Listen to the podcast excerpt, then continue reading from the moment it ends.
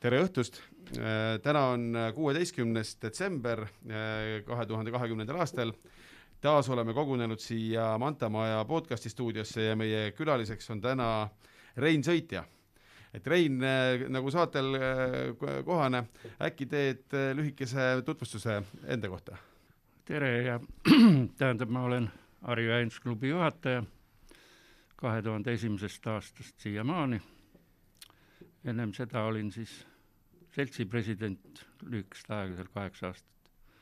et niisugused on nagu ütleme, see minu ajalugu ja jahimeheks hakkasin siis kuuskümmend üheksa, et kuuekümne seitsmendal aastal see selts loodi, nii et kaks aastat hiljem olen siis mina kaks aastat noorem, tähendab, kui jahimeeste selts, nii et ja praegu ma olen siis jah, klubi juhataja ja juhin siis vabariigi, ütleme suuruselt kolmandat jahindusklubi. Vau, ütlen mina, et, et viiskümmend aastat eh, jahimees olla, ma vist ei ole rääkinud varem kellegiga, kes oleks olnud viiskümmend aastat jahimees. et räägi äkki natukene äh, kuidas küsida, et ajaloost, et, et oskad sa niimoodi mõne lausega öelda, mis on äh, viiekümne aasta jooksul võib-olla kõige rohkem jahinduses üleüldse muutunud?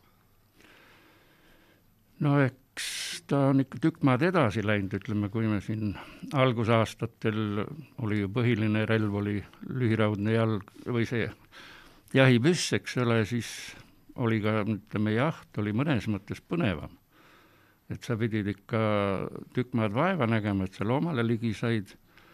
ja, ja siis, kui ligi olid saanud, siis selgus veel, et oli vale loom ka, polnud see, mida oli vaja. nii et ta oli puht sportlik, ütleks niimoodi. tänapäeval on nüüd juba nagu teada, kõigil on enamusel juba pikad püssid, no see juba tähendab, et saja meetri raadiuses loomal eriti õnne ei ole. et selles mõttes on ajad läinud kõvasti, kõvasti edasi ja, ja tehnika üldse on vist arenenud kõvasti, et kunagi oli ju silma ja kõrvaga ainult kõik, on ju. jah, ega praegu on ju nii, et ütleme, jahi edukus väga paljus oleneb ju ka sellest, et äh, on raadiojaamad. saad kogu aeg midagi muuta jahi käigus, saad kõik mehed teise koha peale saata, kui vaja on, kui kuskilt korrad lähevad valesti välja. ja teine asi on muidugi, on kepsud koertel kaelas, nii et sa näed täpselt ka, kuhu loom läheb korra järgi näed selle ka ära, nii et selles mõttes on loomal jah, natukene raske ma korra katkestan siia, et äh, Allanil jäi saate sissejuhatamine jäi natukene poolikuks, et äh, saan aru, et koosolek on alles peal, et et äh, Allan ei ole täna üksi koos külalisega, vaid et on Aigar ka siin saates. jaa, vabandust, ma, ma ise ka mõtlesin selle peale, aga siis ei olnud enam võimalust öelda. tere, Aigar! tervist, jah! räägi siis, kuidas sinul viimased kaks nädalat möödunud on? Ikkagi rahulikult, et eelmine nädal käisin jahil, üle-eelmine nädal ei, ei jõudnud jahile, et eelmine nädal siis äh, oli meid äh,, meie jahimehi ikka väga vähe kohal, neli meest oli, ja, ja siis äh, proovisime hagijaga teha natukene äh, rebasejahti ka ja aga ei, meil see päev nagu jaht ei õnnestunud, kui tulemuse poole, kui, kui tulemust silmas pidada aga sporti sai metsas ikkagi tehtud, on ju? jah, vähemalt sai kodust välja. Rein, kui tihti sina jahil käid? noh, ütleme seitsmest päevast kolm on vähemalt jahil ja ülejäänud tuleb, nagu öeldakse, kontoris istuda ja paberitööd teha, et kas, kas see pisik on siis terve elu olnud või, et selle jahi, jahimehe staaži jooksul, et ikkagi seitsmest, seitsmest päevast kolm päeva jõuad metsa?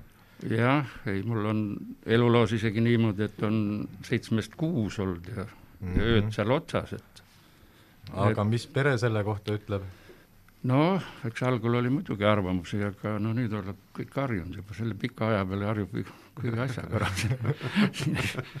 ei juhtu enam midagi nii, aga Rein äh,, sa oled siin mitmes jahisektsioonis, oled liige, et äh, kuidas teil põdrajaht on äh, läinud äh, et äh, põdrajaht nüüd lõppes meil viisteist, et öö, äh, olete enda põdrad kätte saanud? Kiilis jah, kus ma kuulun siis nagu öeldakse Harju klubis Kiili jahiseltsi, siis Kiilis on küll kõik ühel pool, on lastud, natukene on see protsent nagu sassis, et ta ei, ei ole niimoodi, et, et on nagu soovitud numbrid ees, aga aga üldiselt see läheb, Harju klubi peal lähevad need numbrid ikkagi aasta lõpuks enam-vähem sinna, kus ta peab olema, nii et see aasta nüüd äh, võeti seal mm, Pärnumaal, ma tean küll, et on äh, võetud neid äh, põtru vähemaks, et mida küttida, et kas siin Harjumaal ka on? jah, see oli üle, üle vabariigi võeti vähemaks ja mõnes mõttes oleks võinud veel rohkem maha võtta. et ikkagi on paljudel sektsioonidel on ikka jäänud niimoodi, et äh, nad lasevad selle limiidi osa täis, mis anti, eks ole, aga ega sinna palju alles ei jäänud.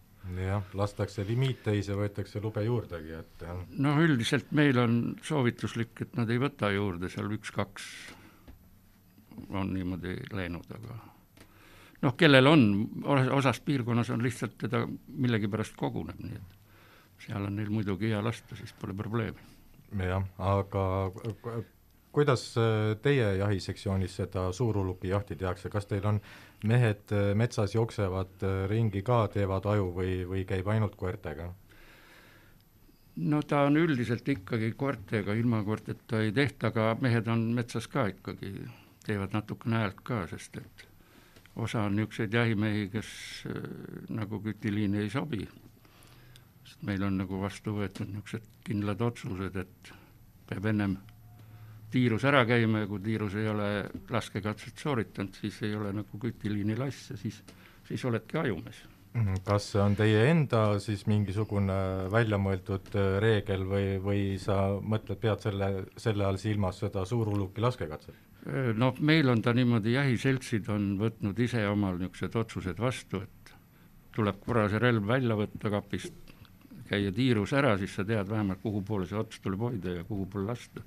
no see on väga õige jah, tõesti. jah, nii et ta on, no mõni jahiselts, noh, kui ma võtan näiteks Dianat, kus ma olen, Dianas on nii, et kaks korda aastas pead käima, nii et laskekatset andmas, jah? jah, teed sa ära, kukub siis välja, kuidas kukub, aga sa pead vähemalt tiirus käima, pead laskma, et kas sa siis täidad selle laskekatse, ütleme selle nõude, et sul enam-vähem kõik korras on või, aga vähemalt sa oled püssiga väljas käinud, sa oled ära proovinud.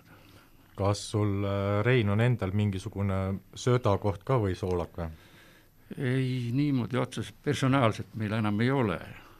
Need olid, ütleme siis, kui olid need seajahid siin väga hoos, siis oli nagu, olid ära jagatud, et kes kus, nagu öeldakse, sööta viib ja valvab, et vaat siin tulid ju piirangud, et ei tohtinud ju palju sööta väljas olla no siis pidigi olema kindel mees, kes seda siis toimetab, et seal ei lähe siis meil on olnud juhuseid, kus talunik võttis kätte, viis vankritäie kartuleid metsa ja siis oli jama majas, kuna inspektsioon sattus peale, eks. no üldiselt peaksid olema ju need kohad ju registreeritud ka, et et kui talumees ikkagi viib kuskile enda maa peale selle metsa, siis mm -hmm. ma olen niimoodi aru saanud, et enda maa peal ta võib ikkagi suures loos nagu teha, mis tahab et ta ikkagi võib seda maha kallata vist, jah? seal keeldu tal ei ole, noh, nad peaks muidugi kooskõlastama, nii jahimehed, maaomanikud peaksid kooskõlastama, aga aga no alati see ei õnnestu ja kui talunikul seal hakkab vili kärssama või põlema, siis ta viib ta metsa, see on selge, eks ole, tema oma maa peal ta võib teha. Ma mõtlesin enne poole lause pealt, et talumees tuli, võttis käru ja võttis jahimehe kartulid üles soolakalt ei, seda ei ole. aga küll on niisuguseid juhuseid olnud, et soolakud kaovad ära et kas see sool, mida me paneme siis loomadele, et see aeg-ajalt kaob ära, meil üks kindel söödakoht või noh, ütleme see soolak oli kohe niisugune, teadsid kohe, et see teatud aja jooksul jälle kivi oli kadunud. aga ju üldiselt jahimehed kasutavad kaameraid, et, et rajakaamerad kaameraga on üks aga, kaameral on tavaliselt pandud äh, pildistamisintervall, et kui äh, kui see soolamaias liigub nii aeglaselt, et kaamera teeb pildi ära, nii et teda veel õieti kaadris ei ole, siis järgmise pildi teeb ta siis, kui see soolamaias on juba kahekümne viie meetri peal selle, selle soolatükiga ja siis ei jää peale, meil oli just selline lugu jah, sest ta enamasti reguleeritud kas kolme või viie minuti peale, noh selle ajaga sa jõuad ju just, palju niimoodi, et ta ise ei teagi, ta võib-olla ei näegi seda kaamerat seal ja, ja vaatab, oh mingi asi on kellelgi puu otsa ununenud ja, ja tead, kui meil jutt siia kaamerate peale läks, siis äh, ma tean, et Allan, sa rääkisid, et äh, sa oled kuulnud, et äh, uued kaamerad on juba sellised, et sa saad vaadata nagu laivis pilti ja just. Täna ma käisin uurimas neid kaameraid ja ma tegelikult ostsin endale ühe kaamera. Et äh, ma päris sellist kaamerat nüüd ei leidnud kuskilt, et saab vaadata laivist äh,. ostsin nüüd äh, Burreli kaamera endale, sellel on nüüd äh, selline äh, süsteem, et äh, sa saad tellida endale selle pildi või video et äh, sa siis äh, kas ma sa ühildad oma kaamera äpiga ära ja siis sul tekib seal pä- päris palju selliseid lisavõimalusi, aga see, millest mina rääkisin, see oli tehnoturus ja see ei olnud jahikaamera, vaid ta oli välistingimustesse mõeldud tavakaamera, millele käis kamuflaaž kate peale, talle käis aku kaasa ja päikesepatakas kaasa ja ta reageerib liikumisele. Ja sa saad teda ümber lülitada näiteks kui sul tuleb pilt, et keegi on äh, seal kohapeal, siis sa saad äh, ümber lülitada seda kohe live-pildile. jah, jah. et ta ei ole tegelikult nagu, nagu jahikaamera tootja, vaid ta on nagu lihtsalt valvekaamera tootja, aga ta on no, no, kohandatud selleks sellist, sellist mulle pakuti ka, et kui tahad otse laivis vaadata, aga tead, selle kaamera valimisega oli jälle see, et et äh, tegelikult tahaks, et need pildid jookseksid kuskile äppi või pilve, et äh, sa saad neid järjest nagu edasi lükata, et sa ei pea meilist igat meili avama, on ju, aga aga need äpid on, ma arvan, enamus, enamus äh, kaameratootjatel olemas, et kus on galerii kohe, kuhu need pildid ühte kohta kokku jooksevad. no sellel Burrelil jälle ei olnud. Burrelil on, minul on Burreli kaamera, Aa. Burrelil on äpp olemas, Maci, Macile vähemalt on äpp olemas, mina ei ole enda oma ära seadistanud, aga ma olen vaadanud ära selle tutvustava video, kuidas need äh, pildid kokku jooksevad. ahah, ahah, aga ma ikkagi valisin nüüd endal siis äh, praegu kaamera selle järgi, et äh, kui mul on vaja sealt praegu mingit pilti või videot tellida, et siis ma saan selle tellida. ja, et aga noh, see on siis boonus, et kui seal ikkagi see äpp on juures. ja, ja nii, Rein, aga räägi siis, kuidas sinust jahimees sai ja kuidas üldse vanasti jahti tegid? Et äh, minul oleks küll huvitav teada, et kuidas, kuidas meie vanaisad äh, jahti tegid. jah, kaua püssita jooksid metsas ja, ja millal püssi alla said? Mm, no mina küll sain ruttu, kuna ma olin tollal Rahvahääles tööl ja siis oli vaja keegi, et jahindusest ja kalandusest kirjutaks, siis siis saadeti mind jahimeeste seltsi ja sealt kohe Harju klubisse, kus oli vaja kiiresti eksam teha ja et mina sain ta suur, suht kiiresti sain relva ka, silleraudse muidugi, ja, ja siis kas pool aastat hiljem siis oli juba õnnestus esimene siga lasta. Aga segan vahele, kas siis ikkagi olid kõik relvaload ja asjad ka olid nõutud või, või ikkagi piisas äh, vanaisa loast, et ei, see tsaariaegne luba ei maksnud enam aga relvaeksam siis ja mingi, Jah, mingi kõik need asjad tulid ära. õppima või kursust jah, kursused käisid läbi, need olid klubi juures, nii et ma enam ei mäleta viiskümmend aastat möödas, et palju see aega võttis, aga no ikka mitmed korrad tuli kohal käia ja kuulata neid jutte seal. Aga mis tol ajal sellised populaarsemad jahipidamisviisid olid, et ühisjahti kindlasti tehti, on ju, et jäi, te no ühisjahti oli vähe, sest et ei- algul ei olnud ju siga ka eriti midagi ja polnud ju põtragi eriti palju ja siis oli ikka, jänkujaht oli see kõige ilusam ja lõbusam, see, kui hagijad lahti lasti ja kui need laulma hakkasid metsas, siis oli ikka nii, et vanemad, vanemad papid, need istusid siis lihtsalt kännu peal ja kuulasid, kui hagijas lõi, et see oli siis tema jaoks nagu muusika, nii et et see oli niisugune, kus, kus me ikka noh, tihti koos käisime, muidugi seajaht oli ikkagi see, kus ikka nädalavahetuseks tuldi kokku ja püüti neid sigu taga ajada, nii palju kui neid seal oli tol ajal. aga kuidas tol ajal olid, kas olid ikkagi olemas ka, nagu praegu on meil need öö, öö, kitsele ja, ja, ja põdrale, seale, kõigil on eraldi nagu load, et kas siis oli ka ikka luba või ja, ja ta oli, tol ajal oli ta ikkagi käsumajanduse korras käis, nii et load andis välja ikkagi jahimeeste selts, nii et see ei käinud koha peal. et äh, see oli selles mõttes natuke keerulisem ja natukene keerulisem oli ka need laskmiste kontrollimised ja värgid, et seal ikka see kontrollimine oli suht tugev. Ja kui ikka mats oli tehtud kas või puusse, siis ei olnud nalja, et kanti luba maha, sest et mine, hirmul olid suured silmad, nii et. Rein, kui te siis äh, jahti tegite ja neid load teile välja kirjutat-, kirjutati, et äh, kas sa mäletad ka seda, et kes see, kes see seda lubade arvu siis paika pani, et kui palju kuskil lasta või, või või see iga sektsioon äh, arvestas siis ise, et kui palju neil loomi võiks olla ja kui palju peaks neid küttima? ei no need tulid ikkagi juba käsukorras alla, seal olid ikka ära jagatud juba, et palju miski, kui piirkond äh, palju saab. ja, ja siis klubi jagas teda siis ise natukene all laiali, kellel oli seal, oleneb sektsioonide arvust, eks ole, ja siis et see, see vist, ma ei mäletagi, kas ta seal nii väga loendusepõhine oli, seal oli ikka rohkem nii, et kui sa klubiga hästi läbi said, siis vastavalt load tulid, eks ole, aga aga siis sellist asja ei olnud, et kui ikkagi aprillikuus oli kapp tühi ja äh, läksid metsa ja, ja kui sul ikkagi põder oli ees, siis äh, siis äh, lasid selle põdra või, või, või ei saanud niisugust asja teha? ei, seda ei saanud. ja tol ajal üldse esimene ots olid ju niimoodi, et et enamus põdraload läksid ju kõik riigile. nii et tuli kokkuostu ära viia, nii et ega seal jahimeestel hea, kui kaks-kolm luba jäi, nii et äh, seal oli ikka päris pinge üleval, et kes selle pundi sisse siis satub, kes, kes saab lasta. aga siis ei olnud sügavkülmikuid niikuinii, oli kuhu see liha oleks pandud, siis oleks pidanud kohe, koha peal ära sööma kõik. siis olid maakeldrid, on ju, et seal natukene said hoida. et aga jah, natukene need ajad olid natukene teised kuidas äh, püsside müümine käis ja püsside valimine ja kuidas moona ostmine käis, et need olid teatavasti sellised äh, pimedad ja hirmsad niisugused nõukogude ajad, et äh, et kas need relvi ilmselt üldse väljastati ju nagu noh, tehti kõva tugev taustauuring enne, kui relvi väljastati, et polnud ju metsavendade aeg veel õieti läbigi saanud, on ju? ja ilmselt äh, laeti ise neid padruneid kuskil ahju kõrval seal?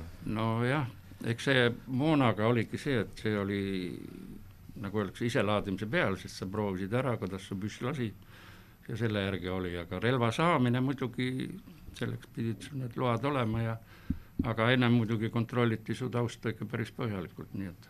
Aga mis kaliiber siis populaarne oli, oli kuusteist või?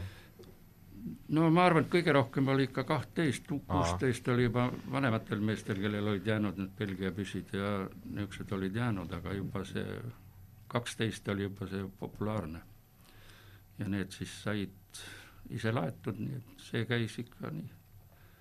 õhtud olid ikka pühendus selle peale, kui sa laadisid ja nädalavahetusel saaks metsa minna.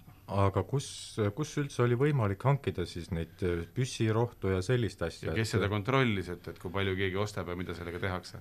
no neid sai, jahipoest sai osta, nii et see, aga ta ei olnud niimoodi, et igaüks tuleb ja võtab, nii et siin sa pidid oma dokumendid ette näitama, et sa oled üldse selle püssi omanik, et sul niisugust asja üldse sa tohid omada.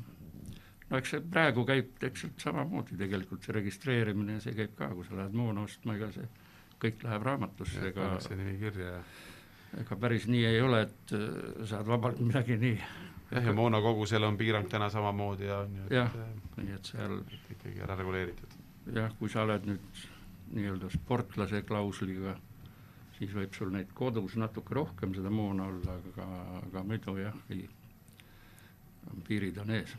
aga kuidas siis vanasti see eh, jahipäev algas siis, et eh, hommikul tõusid kindlasti ülesse, pidid kohe tule ahju tegema ja pliidi alla ja, ja siis hakkasid seal oma kotti kokku panema? noh, üldreeglina tuli nagu kaugemale min-, kaugemale minna, et ei olnud äh, ju Tallinna ääres siin ju jahti ei, eriti ei peetud. et oli pikem sõit, et no siis oli seal kohapeal oli see, keegi talunik oli kellelgi juba ahikööp ja ja siis oli ta ka nii, et seal on need talumajadel on ju suured köögid, seal oli siis pärast mingi kümme venda oli seal siis koos ja siis heietasid juttu seal, nii et jah, siis nagu äh, jahimajasid ei olnud nagu selliseid? ei olnud jah.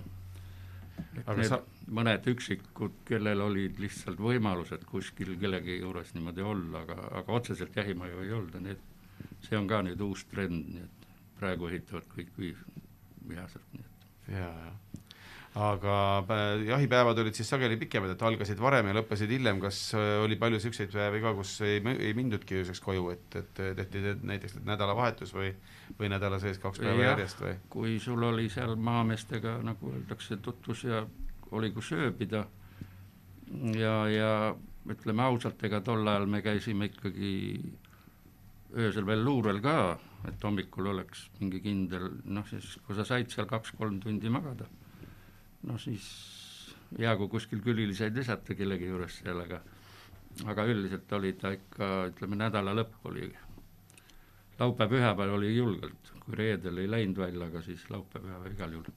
Aga kui, kui rangelt need äh, jahimaade piirid paigas olid, et äh, oli siis samamoodi nagu praegu, et äh, ikka naabrimehe, maa, naabrimaa peale jalga panna ei või?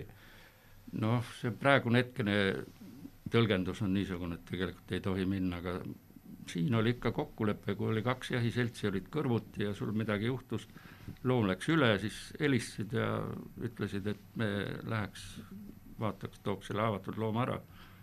see oli kõik, nagu öeldakse, kokkuleppe värk, nii et sellega ei olnud probleemi. praegu on nüüd niimoodi, et see, tõlgendakse seda seadust sedasi, et sa ei tohi tegelikult ju piiri peale üldse lasta. Sest sa lased ju väljapoole, tähendab, sa lased juba võõra maa peale. ja siis järgi minna ei tohi, nii et, et see tõlgendus on praegu natukene jah, niisugune noh, ma sel-, seda ma nüüd ei oska kuidagi kommenteerida, aga see, see piir on ikkagi niisugune hall ala, et et sa pead ju oma jahimaadel ju igal pool jahti pidama, et sa ei saa ainult ühes kohas teha, et et ilmselt seda ikkagi ei, ei panda pahaks ja, ja see, selle peale nagu keegi ikkagi halvasti praegu ei vaata no üldiselt jah, ütleme jahimehed ju tunnevad teineteist ja naabreid kõiki väga hästi ja üldiselt on ju ütleme, jahimehed on üks sõbralik rahvas, sõpruskond ikkagi. aga kui sa vaatad nüüd aastaid tagasi ja, ja, ja praegust aega, et äh, mis sa arvad, et äh, milli-, mis on see äh, jahimeeste eripära või, või või, või mille poolest need nüüd erinevad, et äh, et kui, kui sina nüüd jahti alustasid ja, ja no praegune aeg, või ei ole seal üldse mingit vahet, et need jahimehed on ikka ühesugused? no mina olen kogu aeg ikka rõhutanud, et see on sõpruskond ja sõbralikud peavad kõik olema, praegu on nüüd jõudnud aeg sinna, kus on hakanud tekkima tülisi, nii et on tekkinud tülisi ka jahimeestes tulijad ka nendega on tekkinud, sest kui ta on katseaeg, ütleme aasta aega, meil on siin paar juhust, mis on lõppenud isegi kohtuga, eks ole, äh, aasta aega on ta siis esimene mees, kes noa välja võtab, hakkab tegema kõik tipp-topp, kui aasta täis on, siis on, muutub järsku meheks ja siis hakkab veel seadusi ette lugema, mida, mida temale peaks andma ja et niisuguseid juhuseid on, aga väga vähe et Rein, aga vaadates tänapäeva, et, et näed sa tänapäevases jahinduses selliseid nagu kohti, mida, mida muuta oleks vaja, et sinu jahikogemus on nii suur, nii pikaajaline, et et mida täna teisiti peaks tegema, mis on need põhilised asjad? noh, neid probleeme meil muidugi on ei ole vähe ka neid, aga ega nad kõik ei pea olema siis, nagu öeldakse, lahendatavad ja on, ütleme niimoodi, et meile kõik sobiks et noh, meile ei meeldi need limiidid, mis tulevad, eks ole, Tartust, me ei ole nendega nõus, vahest nad on liiga suured, vahest liiga väiksed, no mis puudutab, eks ole, suurkiskjaid, siis me nendega üldse ei ole nõus. aga noh, nagu öeldakse, see jahindus nagu peab olema. Teaduslikul alusel, eks ole, noh, ja ta-, teadust tehakse meil Tartu pool, nii et noh, need, neid peab siis uskuma kas me siis tahame või ei taha, me püüame siis selle järgi elada, nii et.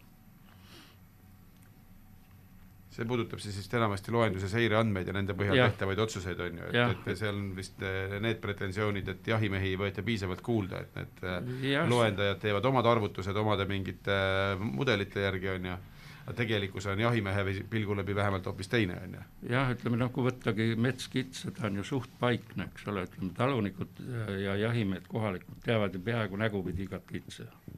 nii noh, võiks pilt, piltlikult ütelda. ja, ja siis, kui noh, nüüd ei ole meil olnud, varem olid meil niimoodi, et me siis me olime, saime Metsaametis kokku ka ja istusime laua taga maakonna omas. ja siis arutasime, et kellel kus kohas siis kaardi peal pidime näitama, mitu looma kuskil kellelgi on. ja, ja siis öeldi ka, et ei, et teil on palju-palju rohkem kohe. ja siis me küsisime, et kuidas nad siis selle arvuni jõudsid. ja siis ta ütleb ka, et nad käivad mööda neid, no nimetas seda transektideks, eks ole, käib mööda gaasitrassi, kahel pool on tümamaa, lodu, raba, selge, kus need kitsed on, on selle gaasitrassi peal, eks ole, siis ta loeb neid pabulaid seal ja saab sealt jubeda numbri, eks ole, siis paneb selle kogu selle ruudu peale, et kui siin oli nii palju, siis tähendab, neid ongi nii palju. ja lajatab sinna siis korraliku numbri, nii et see on noh, niisugune tõlgendamise küsimus, et kuidas, kas seda uskuda või mitte, noh, seda on mitu korda seal meile ju ka öeldud, Tartus, kui nõupidamine oli, siis öeldi ka, et jahimehed, ütelge oma number, aga me ütleme see, mis tegelikult on ja jahimehi kuulda selle koha peal ei võeta ja, ja limiidid määratakse just ikkagi siis nagu kontorist, on ju? jah, sest neil on ju ka, kuidas nad ütlevad siis, suured rahvusvahelised kogemused, mille peale nad siis rihivad, eks ole, no need mingid koefitsiendid, millega nad korrutavad ja, ja saavad need numbrid ja muidu eks kohati on neid näha ka, ütleme, kuigi seda kitsagi võtta, eks ole, on ta kohati on ju niisugused piirkonnad, kus teda on tõesti palju aga selle järgi nüüd üldistada, et siis vabariigis ka nii palju neid on siin, üritasime seda kolmekümmend viit tuhandet tappa, aga ei, ei õnnestunud. olgugi, et kõik võtsid nii puhtsüdamlikult ja püüdsid selle numbri täis teha, aga ei, ei õnnestunud kuidas äh, teie kandis sigadega on, kas äh, Aafrika katku ka praegu on, kas sigu on lastud ja kas on katkuseid sigu olnud? no praegu me oleme lasknud niimoodi, kui jälle kuskilt mingi kari tuleb, siis üks või kaks me oleme sealt lasknud lihtsalt proovide jaoks. me ootame lund ikka, et noh, et kui nüüd põdrajaht ja kõik lõpevad, kitsejaht ka, et siis saaks veel, nagu öeldakse, korralikult lume pealt seajahti teha, nii et noh, täna ma just tulin ära, siis oli oli kaameras oli seitse siga praegu, vaatasin, siis üks oli kult ja teised olid ka kõik niisugused parajad jurakad juba, nii et põrsaid pole näinud praegu, põrsad on ilmselt kuskil eemal, aga no praegu peaks olema korralik jooksuaeg veel. no jah, praegu peaks ikka kult karjas olema ja põrsad eemal olema. aga katku praegu esinenud ei ole nii palju, kui te meil olete? ei ole praegu olnud piirkonnas üldse. noh, ainuke, mis oli, oli, oli siin Raplamaal olid need juhused aga see on õnneks ka niisugune teatud väike piirkond, kus ta oli ja kus need leiti ja osa tapeti ära ka sealt, saadi kätte, nii et vist ei ole, nagu öeldakse, laiali levinud sealt.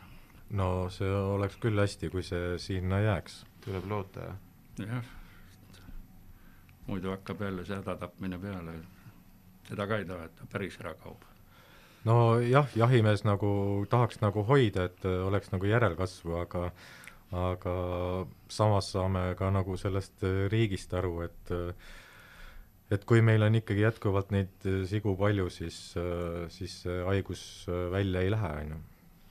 no see on kindel jah, ja eks sellepärast see leping on ka jahimeestega tehtud, et jahimehed peavad selle eest hoolt kandma ja sest ei tule ju talunik nagu öeldakse, sinna metsa teda taga ajama, et see on ikkagi jahimeeste rida ja selline, selline on kokkulepe, aga kuidas teil seal Diana ja, ja Kiili kandis on, et kas äh, linn pressib kõvasti peale, kas äh, esineb palju sellist, et, et need kohad, kus te olete harjunud jahti pidama, siis on uued majad tekkinud ja ei lubata pauku teha, ei lubata üle hoovi käia ja?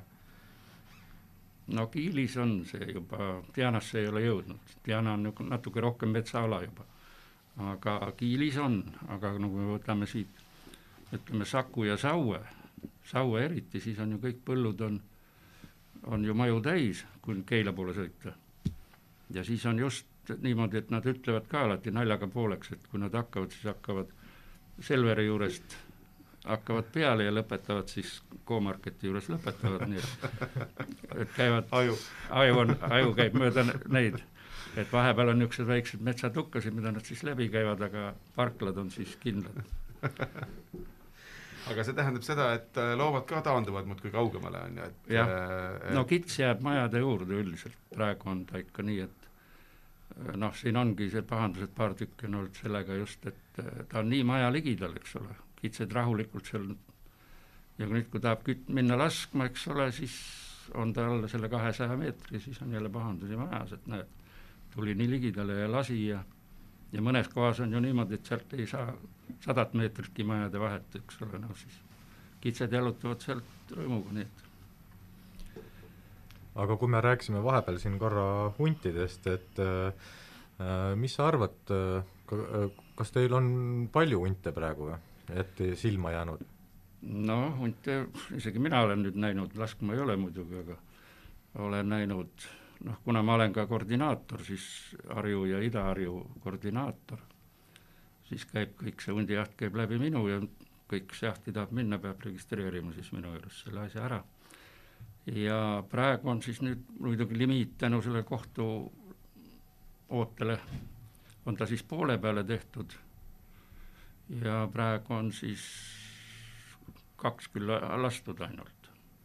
aga noh, üldiselt kõik ootavad seda lund, sest et nähtud on teda küll mitmel pool, aga, aga nad eh, praegu ei, ei ole nagu veel järgi läinud ja järgi raske minna ka talle jälgi, jälgi pole ju. aga kahjudest on palju teada antud teile või? no kahjusi neid ikka on. selles mõttes ei saa midagi ütelda, neid ikka tuleb kogu aeg. et viimastel aastatel lund ei ole palju olnud ja, ja lastud palju ei ole, on ju, et populatsioon on vist mühinal kasvanud ka, et eks see ongi, et tänu just sellele ilmastikule on teda nüüd nii palju tulnud ja nüüd ja nüüd see aasta on keeld, on ju, et kui nüüd on keeld, siis võib juhtuda see, et järgmine aasta on kui nüüd ei tule talve ka veel, et see midagi korrigeeriks, siis on, siis on jah, järgmine aasta suht raske probleem jälle. Rein, äh, jahimehena, millised on sinu lemmik äh, jahipidamisviisid ja millist jahti oled enim äh, harrastanud? no eks ma olen kasutanud, nagu öeldakse, kõik variante, mida üldse välja pakutud on või kuidas võimalik on. aga kui rääkida noh, niisuguseid noh, ei, sobi ütelda niisuguseid ilusamaid asju, siis küttimise juures nagu ei sobi rahvale rääkida, mis on ilus. aga noh, ma toon ühe näite, kui olime Saaremaal jahil, kõrval kütt lasi, no ta ta oli üle minust veel ja, ja põllu pealt tuli irv täisjooksuga peale pauku, ma vaatasin, et kus sa kuramus jooksed, võtsin siis ka niimoodi ette nina peale algul ja siis läksin veel ette, nii et panin matsu ära, panin plaksti pea kuklasse oli pikali maa, siis kõik küsid, kes lasi. et kedagi ei olnud ligidal, kes see lasta sai. nii et vahest ütleme ka, et ei taha ütelda, et kobistab, aga on niisugused noh, hetked. aga samas ma võin tuua näite, olime seal Lõuna-Aafrikas, olime Lõuna-Aafrikas, hommiku läksime mägedesse, siis oli miinus üks, oli vist ilma, meil muidugi joped paksud seljas, pool kümme lasin oruksit. ja siis algas see tramp pihta. õhtu pool seitse saime talle järgi siis lõpuks, nii et ette kujutada, siis oli kakskümmend viis kraadi sooja juba. Ja kogu see vatt on sul seljas ja kogu aeg sa pead marssima ja kogu aeg vahid maha ka, et sa mõnele maole otsa ei astu. et noh, niisugused, on niisugused teistpidi jälle. aga üldiselt äh, varem mulle meeldis hirmsasti pardijaht, aga no nüüd, kui lähevad selle terasaavli peale, siis ei pea ju teda laskma ütleme siis niimoodi, aga, aga jah, muidu kitsi ma ei ole nüüd jah lasknud, et see mulle nagu ei tead, seda ma olen ka kuulnud äh, väga paljudelt jahimeestel, et, et äh, kitsejaht ei, ei meeldi väga. jah, sest ta vaatab sul niisuguse süütu näoga otsa ja ilusad, ilusad silmad ja no kuidas jah, siga on näost palju vihasem, see ei noh, seaga on, mina olen siga altpoolt näinud, nii et sellepärast ma ta peale viha pean. aga oled sa koeramees ka olnud? jaa, mul on kuus koera olnud. Nüüd juba noh, nagu aastates nüüd ma ei ole võtnud, taheti küll, et poeg tahtis mulle siin veel eelmine aasta sokutada uuesti sakslase, ma olen saksa karmikarvalise linnukoera austaja, nii et niisugune supertark koer ja miks ta mulle meeldib, noh, sakslased ütlevad ka, et ta on universaalne tarbekoer. ühesõnaga, temaga saab kõike teha, nii et kõik, kõik asjad. noh, jänest ei lubatud muidugi taga ajada, aga muud asjad olid kõik lubatud ideaalne, ideaalne koer ja kui sa ta veel välja õpetad, väga ilus. ilusamaid asju, mis saab olla, on, on ikkagi koerajaht, see on, kui sa ise veel koeramees oled, siis on see õnn seal topelt kohe jaa, ma usun sind täiesti. aga räägime siis äh, trofeedest natukene, et äh, et äh, mis sul äh, kodus seina peale tekkinud on nende aastatega? Noh, ega sinna enam midagi ei mahu, osa on juba ootel, pole kuhugi panna, aga, aga noh, Iru on hõbemedal, see on Lätist lastud, Saaremaa oma ei jäänud medalit välja, karu on kuld, selle lasin Kahalast siit, see oli siis neli aastat käisin passimas ja siis lõpuks neljandal aastal. Just oli seitsmekümnes sünnipäev, nii et vahetult ennem seda õnnestus see karu siis ära lasta neljandal aastal. mäletad ka, kui palju kalu, karu kaalus? minu arvates oli kakssada kolmkümmend viis, kui olid maad väljas, nagu öeldakse, siis ta oli kakssada kolmkümmend viis. aga jah, see on ka jälle niisugune elamus. minul õnnestus see aasta küttida metsi ka, kult sada kaheksakümmend kolm kilo mm. -hmm, jah, see on paras jurakas juba nüüd ma guugeldasin, ma tahtsin teada, mis on üldse Eestis kõige suuremad sead lastud. kult oli kolmsada viiskümmend ja emis oli kolmsada. jah, need on nüüd suured. käesoleval aastal või? ei, mitte käesoleval. Need on, on varem, jah. ja mis on nagu siis nagu rekordid?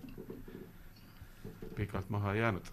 et uskumatud, uskumatud numbrid on ikka tõesti. jah, nad on ikka päris suured ja siin vahepeal olid ju, nüüd on põdrad väiksed, ennem olid ju põdrad ka kolmesaja kilo juures, nii et meil on niisugused aastad ka olnud. aga no viimased kümme aastat on siin ainult poisikesed jooksevad ringi, nii et neid kütitakse põhiliselt aga põdrasarvi kodus, medalisarvi mm.? pronks on, rohkem pole saanud. põtra on raske ka niimoodi, need teised on küll, mis on napilt-napilt, jäävad sinna pronksi alla, aga noh, enda jaoks on ta sul muidugi trofee, aga jah, absoluutselt. kataloogi, nagu öeldakse, ei lähe, et aga sa peibuta, peibutajamees ei ole, et ma su... olen, nüüd ei ole käinud, aga varem ma käisin jah, kogu aeg sokku pillitamas ja mul olid veel jahimeeste, vanade jahimeeste noh, enda tehtud pillid, nendega ikka, ikka tuli. et see oli ikka tore, kui kui põder tuli siin esimest korda, kui tuli metsast välja, siis kõigepealt põõsad lendasid rapib nii kõvasti sealt sarvedega, aga vägev tead, mulle väga see põdra peibutamine meeldib ja, ja mina kõige suuremad sarved olengi lasknud peibutades mm. -hmm. et äh, viimane mm, medal, medalisarvedega pull tuli mul äh, raba peal nelja meetri peale. ja vaatas mulle, mina olin raba peal põõsa sees, ma päris lagedas ei julgenud olla ja ja vaatas mulle nelja meetri pealt sinna põõsasse otsa ja ja, ja mul oli selline seis, et mõtlesin, et jääb või see põder laskmata et täpselt nii lähedalt ja vaatab sulle ette ja hämar ka juba ja no ja, ja kus sa siis lased, lased siis pähe sarvedesse aga lõpuks sain selle põdra kätte, jah. põdraga on jah, ega vaata, kui põder hakkab sul kaugelt tulema ja ta sind ei märka algul, tema silmad vaatavad ju külle peale, tema ettepoole ei näe, eks ju. siis ta võibki tulla, ta sulle ju täitsa nelja-viie meetri peale tuleb välja, mul on endal ükskord olnud, kui tuli üle põllu kaugelt tuli, ma mõtlesin, et ta näeb mu ära, ma olin ju punases. ja, ja tuli juurde kuskil alla kümne meetri juba, siis mul närv ei pidanud vastu, lasin igaks juhuks ära, sest ta tuli kogu aeg otse peale. nii et äh, aga minu meelest, äh, kui on ikkagi see õige jooksuaeg ja siis need on ikka niisugused täitsa niisugused tohmakad natukene, et et see aasta oli niisuguseid väikseid pulle, piikidega pulle oli küll, kes kes ikkagi jooksidki lang-, langi peal sinna minu juurde ja, ja vaatasid suurte silmadega otsa ja need ei saanudki aru ja need ei jooksnudki ära. lõpuks oli mm. niimoodi, et ma räägin temaga juttu, et noh, et äh, mine ära, et ma ei lase sind ja ja, ja ta läheb veel viisteist meetrit kaugemale ja ikka seisab ja vaatab. jah, kui sa veel sarvedega kolistad, kui sa möörgad, siis on, eks ole, tulevad ilusti, aga piisab ka, kui sa sarvedega kolistad. et tulevad lõbinal juurde kõik, aga just need nolgid tulevad, vot see on see et ilusaid, ilusaid nii tihti ei tule. kuidas äh, koroona tänapäeval on mõjutanud, kuidas viimane aasta on äh, või kolmveerand aastat on jahti peetud, on see, on see nagu tõsiselt äh, seda jahikorraldust muutnud? no siin me oleme niisugused suuremad jahid, mis me oleme teinud, oleme kõik maskides. kui ennem oli niimoodi, et jahimaja juurde jäeti autod, sõideti mingi kuue-seitsme autoga sõideti edasi, eks ole, siis need äh, praeguse koroonajahid on siis kõik nii, et igaüks istub oma autos ja kui on kellegiga linnast tulnud, siis on kahekesi autos, et võõrast ei, teise juurde ei panda. Ja pärast muidugi noh, mingit koosistumist ei ole, varem oli see ju niisugune traditsioon, söödi maksa ja aga jah, niisugused asjad on nüüd praegu noh, nagu öeldakse, enese jaoks tähtsamad, nii et jah, see on selle maski kandmise juures võib-olla positiivne, et äh, mehed võivad hommikul jätta habeme ajama, et, et jah, see on küll, jah. aga mis te siis öö, oma jahimeestega veel äh, peale jahti teete, et korraldate siis mingeid talguid ka või? teete ühiseid asju kuskile jõgedele, mingeid sildasi või kraavidele, et kus üle saada või korrastate oma jahimajasid, et ega neid tegevusi on ju küll ja küll ju, mida teha, et äh, sihid on kõik kinni kasvanud äh,, sügisel, sügisel saab heina tallata või niita kuskilt sihtide pealt, et oleks võimalik äh, muidu on nii, et kohati pilliroog on üle pea, et katsu seal siis jahti teha, et noh, ei, ei tohigi teha ju, et et sa ju ei näegi seal mitte midagi. Nojah, eks see, ütleme niisugust asja nagu siin aastad tagasi, ütleme noh, minu algajatel oli siis need, siis oli nagu kohustus teha neid soolakuid või neid igasuguseid neid jäirajatisi, eks ole, kus on siis viljad ja heinad ja kõik, mis seisid, eks ole, see nüüd on ära kadunud. seda enam ei nõuta peale seda, kui ma ei oskagi nüüd ajastust ütelda, kas see on siis kuskil, kui uus jahiseadus välja tuli, umbes kuskil sinna kanti siis kadus see ära, neid ei olnud nagu vaja. enam nagu traditsioonis sotsvõistlust ei olnud, vaata kunagi oli ju see, algaastatel oli sotsvõistlus, siis oli niisugune lipu peale võitlus seal, et ja siis pidid olema sul kõik söödasõimed pidid olema korras ja kõik pidid olema nummerdatud ja kõik, kõik oli kontrollitav ja kõike kontrolliti ka ja aga noh, nüüd ei olnud, lähed taluniku käest, saad sealt vilja ja lähed, viid välja ja talunikel on kõik võimalused olemas, sealt lähed ja teod jupiti kogu aeg. Et niisugust asja jah, praegu ei ole, aga muidugi sihtide puhastamine, see on, see on kohe, nagu öeldakse, igakevadine. seal on kõik saemehed kohal ja muidugi me oleme läinud nüüd seda, et neid suuri teid, metsateid, mis on, siis me oleme tellinud tehnika ja see peksab kettidega ära, sest kui me ise lõikad, siis on ta sul poole aasta pärast veel pikem, kui ta ennem oli. Aga kui ikka kettidega ära lööb, siis on ikka aasta hooletu, siis on aga kas mehed löövad eh, hea meelega sellistes asjades kaasa? jah, üldiselt, üldiselt võtavad kõik, no eks see on see üks põhimõte ka, et sa saad ikkagi linnast maale ja saad metsa ja ja see on ikkagi niisugune omamoodi jälle tegevus. kas teil on naisi ka jahiseks, Jaanis? meil on üks Ki-, Kiilis on ka üks. Ja on tubli naine, käib, käib metsas ja jookseb ringi ja jaa, praegu ongi niimoodi, ütleme, kes meil kährikuid laseb, on, on kõige suurem kütt on naisterahvas. nii palju on seda kährikut last, et ta on omale uue püssi saanud ja ja midagi muud veel seal. kas te noori ka kaasate, et kas noored ajus käivad kaasas või on teil mingid päevad, mingid üritused, kus, kus noortele tutvustada jahindust?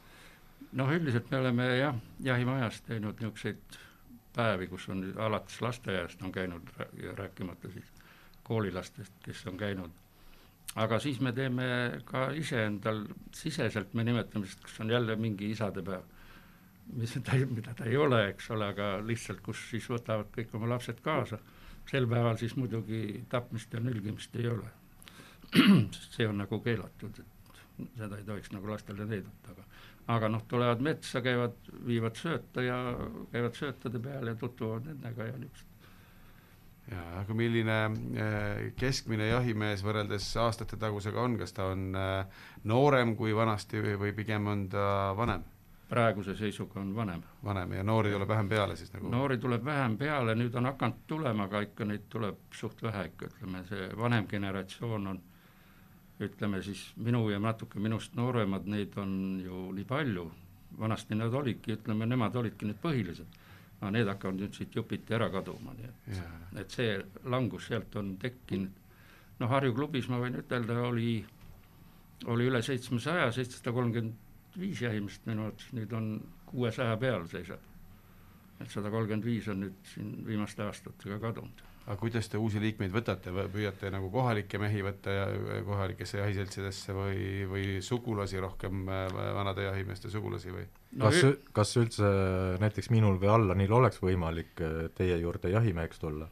no seal hakkab siis see katseaeg ikka jälle peale. katseaeg küll, aga aga äh, ma mõtlen, et pean seda asja silmas, et äh, kas ma pean olema seal elanik või, või maaomanik, et, et üldse kas kandidaadiks üldse võetakse, jah? Nojah, teatud piirkondades on ta küll niimoodi, et äh, mõned jahiseltsid on võtnud vastu otsuse, et ennem ei võta, kui koht vabaneb, on selliseid variante. ja siis on, on teine variant on see, et võetakse maaomanikke, nende siis järeltulijaid kõiki, no ühesõnaga tahetakse piirkonnast rohkem saada, et ei tule noh, öeldakse halvasti, et neid linnauntsansakaid liiga palju ei tule, et äh, see kohalikku, et seda võtta, nii et siin on isegi, meil on niisugused juhused, kus kus on maaomaniku eest jahiselts on ära maksnud ka selle koolitusraha, et saada maaomanik seltsi liikmeks, nii et. tõesti? aga muidu on vist nii, et kui on kakskümmend hektarit maad, siis jahiselts peab liikmeks võtma, kui on nõuded täidetud, on ju? no üldiselt jah, ega seal ei ole mõtet, sellise pindala juures ei ole mõtet seal enam mingit vägikaigast vedada või, või saada seda jahikeeldu, eks ole, see on ikkagi juba teatud suur piirkond ja ta, ta lõhub teise noh, jahiala ära, selles on asi niisugused lood on vist ka siin äh, teada, kus äh, tulevad, äh, ostavad maa selleks, et saaks tulla välismaalased näiteks Eesti Jõuga Jahimeeste Seltsi liikmeks ja nii edasi, et omada jällegi nõudmistega ja pretensioonidega ja, ja et sealt läheb nagu kaika vedama, lihtne on ju tegelikult kahtekümmet hektarit maad osta ja on vist isegi nii tehtud, et on üks kahekümne hektarine tükk mitme peale ostetud ja kõik tahavad nagu tulla, on ju, et vaata sinnamaani välja, et kaaperdatakse pärast ära, et tehakse üldkoosoleku otsuseid lõpuks sealt äh, enamuse äh, häältega, on ju.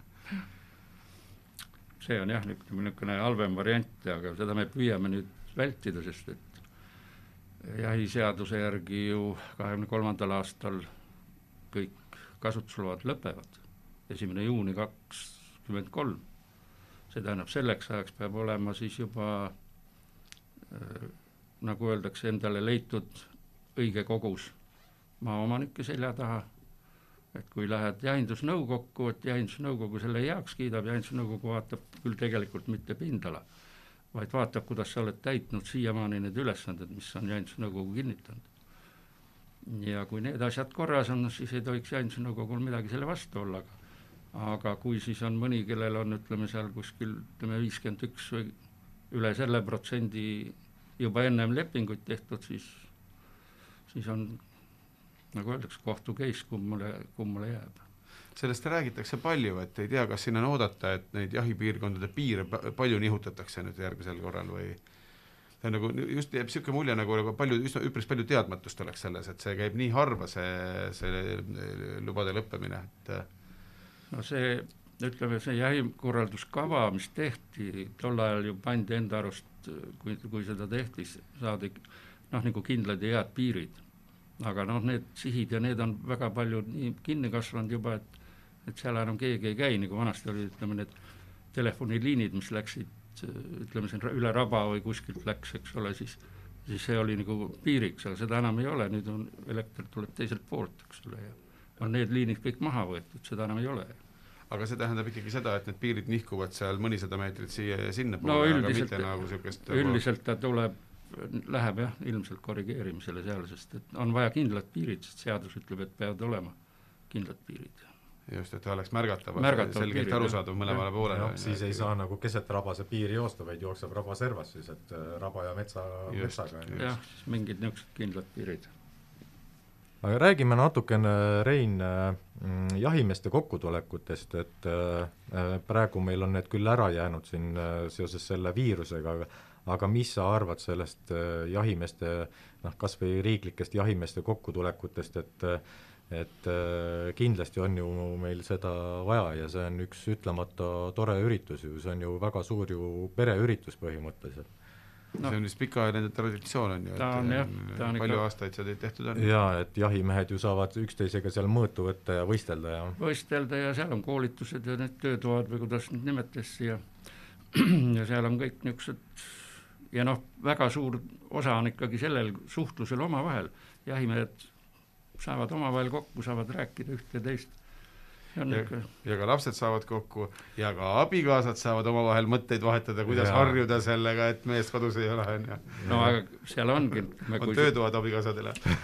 Seal on nende laste jaoks ja naiste jaoks on töötoad ja kõik, nii et kõigile on mõeldud, nii et need koosole- või need kokkutulekud on väga, väga vägevad ja, ja noh, ütleme tõesti kahju, et neid teha ei saa praegu kas te olete siis äh, saanud välja minna ka korraga oma terve jahi, jahisektsiooniga, et et lähetegi nagu üks meeskond sinna või, või on ikkagi niisugust tilkumist, et et mõned panevad kirja ja mõned üksikud käivad, et?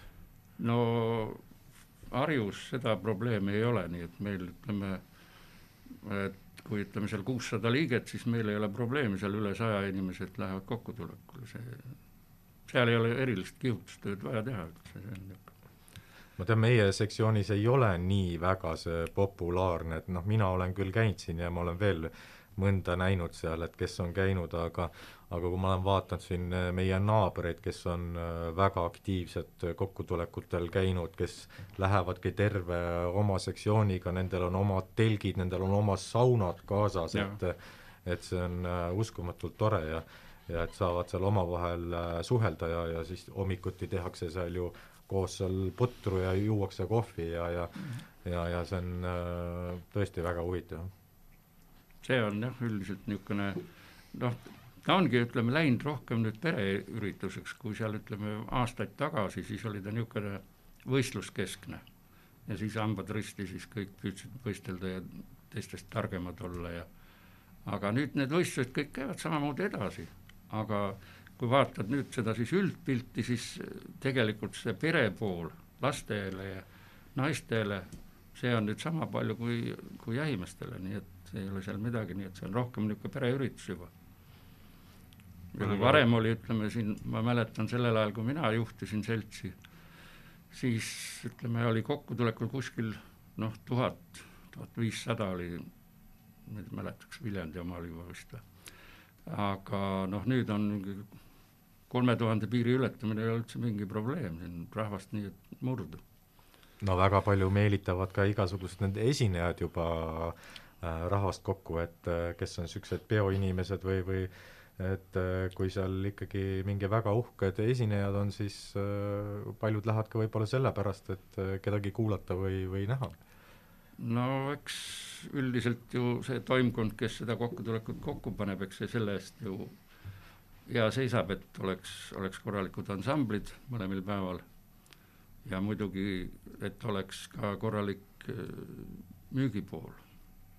see, see on ka jälle, kui rahvas tuleb sinna ja kui seal on lootust, et sa saad natukene odavamalt midagi jahiasju osta ja neid tuleb ju mitte ainult meilt, neid tuleb ju siit Lätist ka ja jah, aga see vist ongi lootus, tegelikult vist sealt ei saa ikkagi väga odavamalt midagi või? No kui sa viimase peale jätad, viimase päeva nojah, ütleme ennem kui hakkavad äh, kokku korjama, siis kui lähed, siis sa võid saada sealt mõne asja ikka pea poole hinnaga, nii et. alguses võid ka, saad kallimalt, kui lähed esimesena, esimesel päeval kohe on ju ja kui õhtu on käes ja kõigil on tujud äh, laes, siis saad veel kallimalt aga kuidas teil eh, jahiseltsis äh, nagu kogukonnale suunatud te tegevus on, et kas käi-, on ka sellist asja, et käite niisugustel külapidudel ja üritustel ja, ja tutvustate sellist nagu nagu jahindust kogukonnale, et see on nagu oluline nagu siduda ära natukene ja, ja tuttavaks ennast teha ja näidata, et on, jahimehed on toredad inimesed, et saada just lepinguid ja saada nagu kohalikelt sellist heakskiitu kõigele sellele, et mm -hmm. meil oli siin mõni nädal tagasi oli Jaanus Põldmaa oli Pärnumaalt kes ütles, et kahe tuhande kahekümne esimene aasta võiks olla just suunatud selline kogukondlikule tegevusele, et, et just selle ja siduda kokku nagu inimesi, ühendussildalt moodustada, et, et ei oleks äh, jahimehed linnast tulnud võõrad mehed meie põõsastes seal paugutavad, vaid et on näha ikkagi, et on omad mehed ja, ja, ja seletavad mm., mida teevad ja, ja näitavad, kuidas väärindatakse ja et sellest justkui on puudus, et noh, meil on ikka osadel jahiseltsidel on kohe juba tavaks saanud, et nad, külakogukond tuleb kokku, siis on aastas, ütleme, on seal kas päev või kaks, kuidas nad siis äh, teevad ja kuidas neil jõud üle käib. teevad siis niisuguse külakogukonna ürituse siis, kas see on siis jahimaja juures või on siis seal külaplatsi peal, eks ole. et niisuguseid on meil mitmel pool ja ja muidugi hea tava on tegelikult see, et kui ütleme, kuskil jahimehe või seal talumaa pealt lastakse loom, sellest tehakse vorsti, siis viiakse seda ka talunikule, nii et ei ole lihtsalt see, et me kõmmutame nende majade juures seal, ikka jagatakse ikka seda, seda, mis saab sellest teha. konservid, vorstid, seda tuleb tegelikult. ja kuna kokkuostu, kokkuostuhind täna vast nii madal on, siis tehakse võimalikult palju vorsti, jagatakse seda vorsti ja konservi, nii et ja mõistlik see on, aga Rein, ütle, kuidas sul endal on, et äh, enda peres selle järelkasvus, kas järelkasvu on äh, ka jahil näha? no poeg on, oli mul ju, ennem oli Kiili jahiseltsi esimees, nüüd ta läks Ida-Virumaale või Lääne-Virumaale. et nüüd on seal, nüüd on siis aktiivne jahimees seal lihtsalt, et ja kõige väiksem, noh, tal on äh, viis last kõige väiksem, see on natuke lauakõrgune, sellel on juba jahiriided ja juba pussnuga vöö peal ja noh, on juba, käib kaasas, aga noh, mitte jälle selle tap-, see... tapimise ajal, aga noh ikka pisik on geenidega juba kaasa saadud. jaa, jaa, ikka torni ehitamise juures, seal oli ikka saag ja haamer käes ja kõva tegija. nii, Rein, et meil hakkab äh, peagi saade otsa saama, et, et äh, räägi meile mõni lõbus lugu oma jahist. lõbus või ärev? jah. nojah, siis ma peaks rääkima ühte seajahti, kus siis ma olin noor jahimees veel vist, kas oli teine või kolmas aasta olin jahimees ja, ja läksin siis, see oli teine päev jaht, nii et ma tulin ööseks koju ja läksin teine päev tagasi ja jaht juba käis ja siis öeldi mulle, kuhu ma pean minema ja juba koer tuli seaga kütiliinist läbi ja just sinna, kus, kus mina läksin just, sinna ette. Ja ja, ja noh, siis polnud midagi, kiiresti sinna ja siis äh, klubi juhataja Meri Mihkli koer oli siis temaga üle tulnud selle sihi. ja, ja ma läksin siis juurde, mis ma olin kuskil, ma ei oskagi esimese hooga ütelda, kas oli kümme meetrit või viisteist, ma nii ligi sain, noh, koer hoidis teda kinni ilusti panin esimese matsu ära enda arust käpa taga, pidi olema nagu kõik. ei olnud midagi, keeras minu poole ja tuli. ja siis ei olnud võimalust, lasin otsa eest sisse, siis ainuke, mis ma veel viimati nägin, oli see, et siit hakkasid niisugust, aju hakkas välja tulema, niisugune plöts hakkas sealt välja tulema ja edasi oli ta siis mulle juba ninapidi siin kintsus ja siis ma lendasin, nagu poisid ütlesid, viis meetrit ei olnud midagi, siis tuli minu pinnalaotus. ja siis ta oli mul siin niimoodi nina või ees siin niimoodi kaksi-raksi mul peal. Ja, ja ainuke mõte, mis pähe tuli, kui ta lõuad käisid niimoodi lõks-lõks-lõks, siis ma vaatasin, et ei ole kult, on emis, hambad ei olnud väga suured, et on emis. Ja siis ainuke mõte, mis peast läbi käis, et küll on mustad hambad. Ja siis oli jah, siis sain üles, ta hakkas pealt ära minema et nagu ema laev oli peal, ma siis tuli ära, ma sain sealt su-, sügav lumi oli, lumest püsti, no siis jõudsin laadida uuesti, siis lasin sealt klõkst ära, pea kukkus maha. ja, ja siis tolleaegne seltsi aseesimees oli siis Tiit Randla oli jahijuhataja ja siis Tiit tuleb ütleb, Rein, et see oleks viimane kord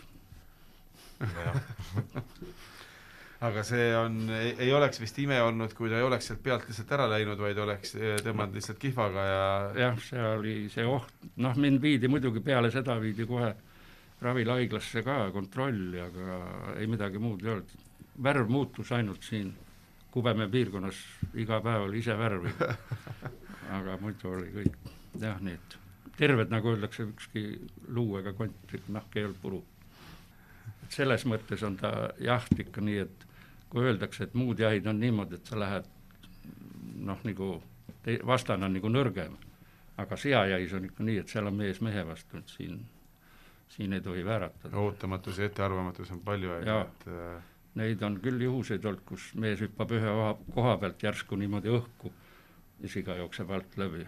No Aigaril on niimoodi olnud, on ju, Aigar hüppas puu külge, tõstis jalad üles ja siga pani ma olen ise, kui ma olin äh, noor jahimees, kui ma alustasin selle jahimehe teekonda, et äh, käisin metsas äh, noh, aju tegemas Mm. ja kuulsin, et koerad peavad seakarja ja mõtlesin, et ma lähen ligi siis, et vaatan, mis seal siis on.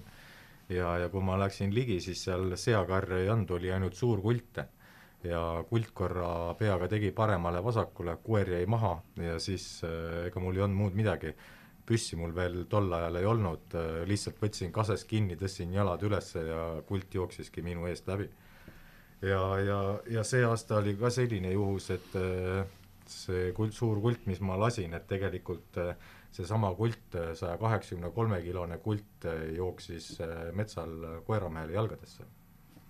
jah, jah, niisuguseid juhuseid on kahjuks, et äh, kui on ikkagi seajahiga tegemine, siis äh, tegemist, et ega naljalt mingi haavatud loomale kuskile metsa ilma püssita järgi minna kindlasti ei tohiks. ja veel kahe mehega peaks minema. mõistlik oleks jah ja selle jaoks peaks ka ajus püssiga ikkagi käima, on ju, et, et see kunagi ei tea, on ju. Ja No paljud mehed ütlevad, et ei käi ajus püssiga, aga eriti noh noh, koeramehel on lubatud, nii et kui koeramees on püssiga, siis on vähemalt võimalus, et et pääsed, kui sa oled seal tavaline jahimees seal kõrval haukuma ja sa ise hoidke koerameeste lähele, lähedale. jah, see aga selge, meil on äh, tund täis. Rein, suured tänud, et äh, tulid rääkima meile oma kogemustest. et tegelikult enne, kui me siin lõpetame, tahaks äh, Reinule õnne soovida tagantjärgi, Reinul oli meil suur juubel, et äh, kas see oli pühapäeval sul? Tegelikult reedel. reedel, reedel siis äh, pea nädal tagasi oli Reinul siis suur juubel ja, ja seitsekümmend viis. seitsekümmend viis. palju õnne! palju õnne, jah! ja tegelikult see ei ole kõik, et äh, kuna, kuna ma ei tea, kas meil on äh, selle aasta viimane saade, et kas me siin salmest-, salvestame veel midagi või ei salvesta ja kuidas see, see viirus siin on, et kas ta lubab meil teha, et, et mul on tegelikult väiksed kingitused. Et Reinule on siin midagi ja, ja, ja all on sulle sama. no vot, nüüd üllatasid nüüd üle, näed äh,, Rein siis äh, Merino sokid sulle, soojad sokid aitäh! ja, ja all on jälle samamoodi Merino soe pesu. oi, aitäh, Aigar, ma ei tea kohe, mida öelda, see on äh, väga ühest, ühelt, ühest küljest väga meeldiv, teisest küljest jätad mu natuke ebameeldivasse valgusesse, et äh, mul midagi täna äh, paremat kaasas pole kui soe käepigistus sulle lihtsalt, et ja ja soojad sõnad. soojad sõnad ongi head, jah. Need peaks ka sooja andma samamoodi nagu soe pesu. absoluutselt, jah. aga tore, tõmbame siis otsad kokku tänaseks ja vaatame, mis elu toob. olgem terved ja olgu meie kuulajad terved ja hoidkem üksteist. jah äh,, hoidkem distantsi ka ja jah, kuulmiseni. kuulmiseni jah, nägemist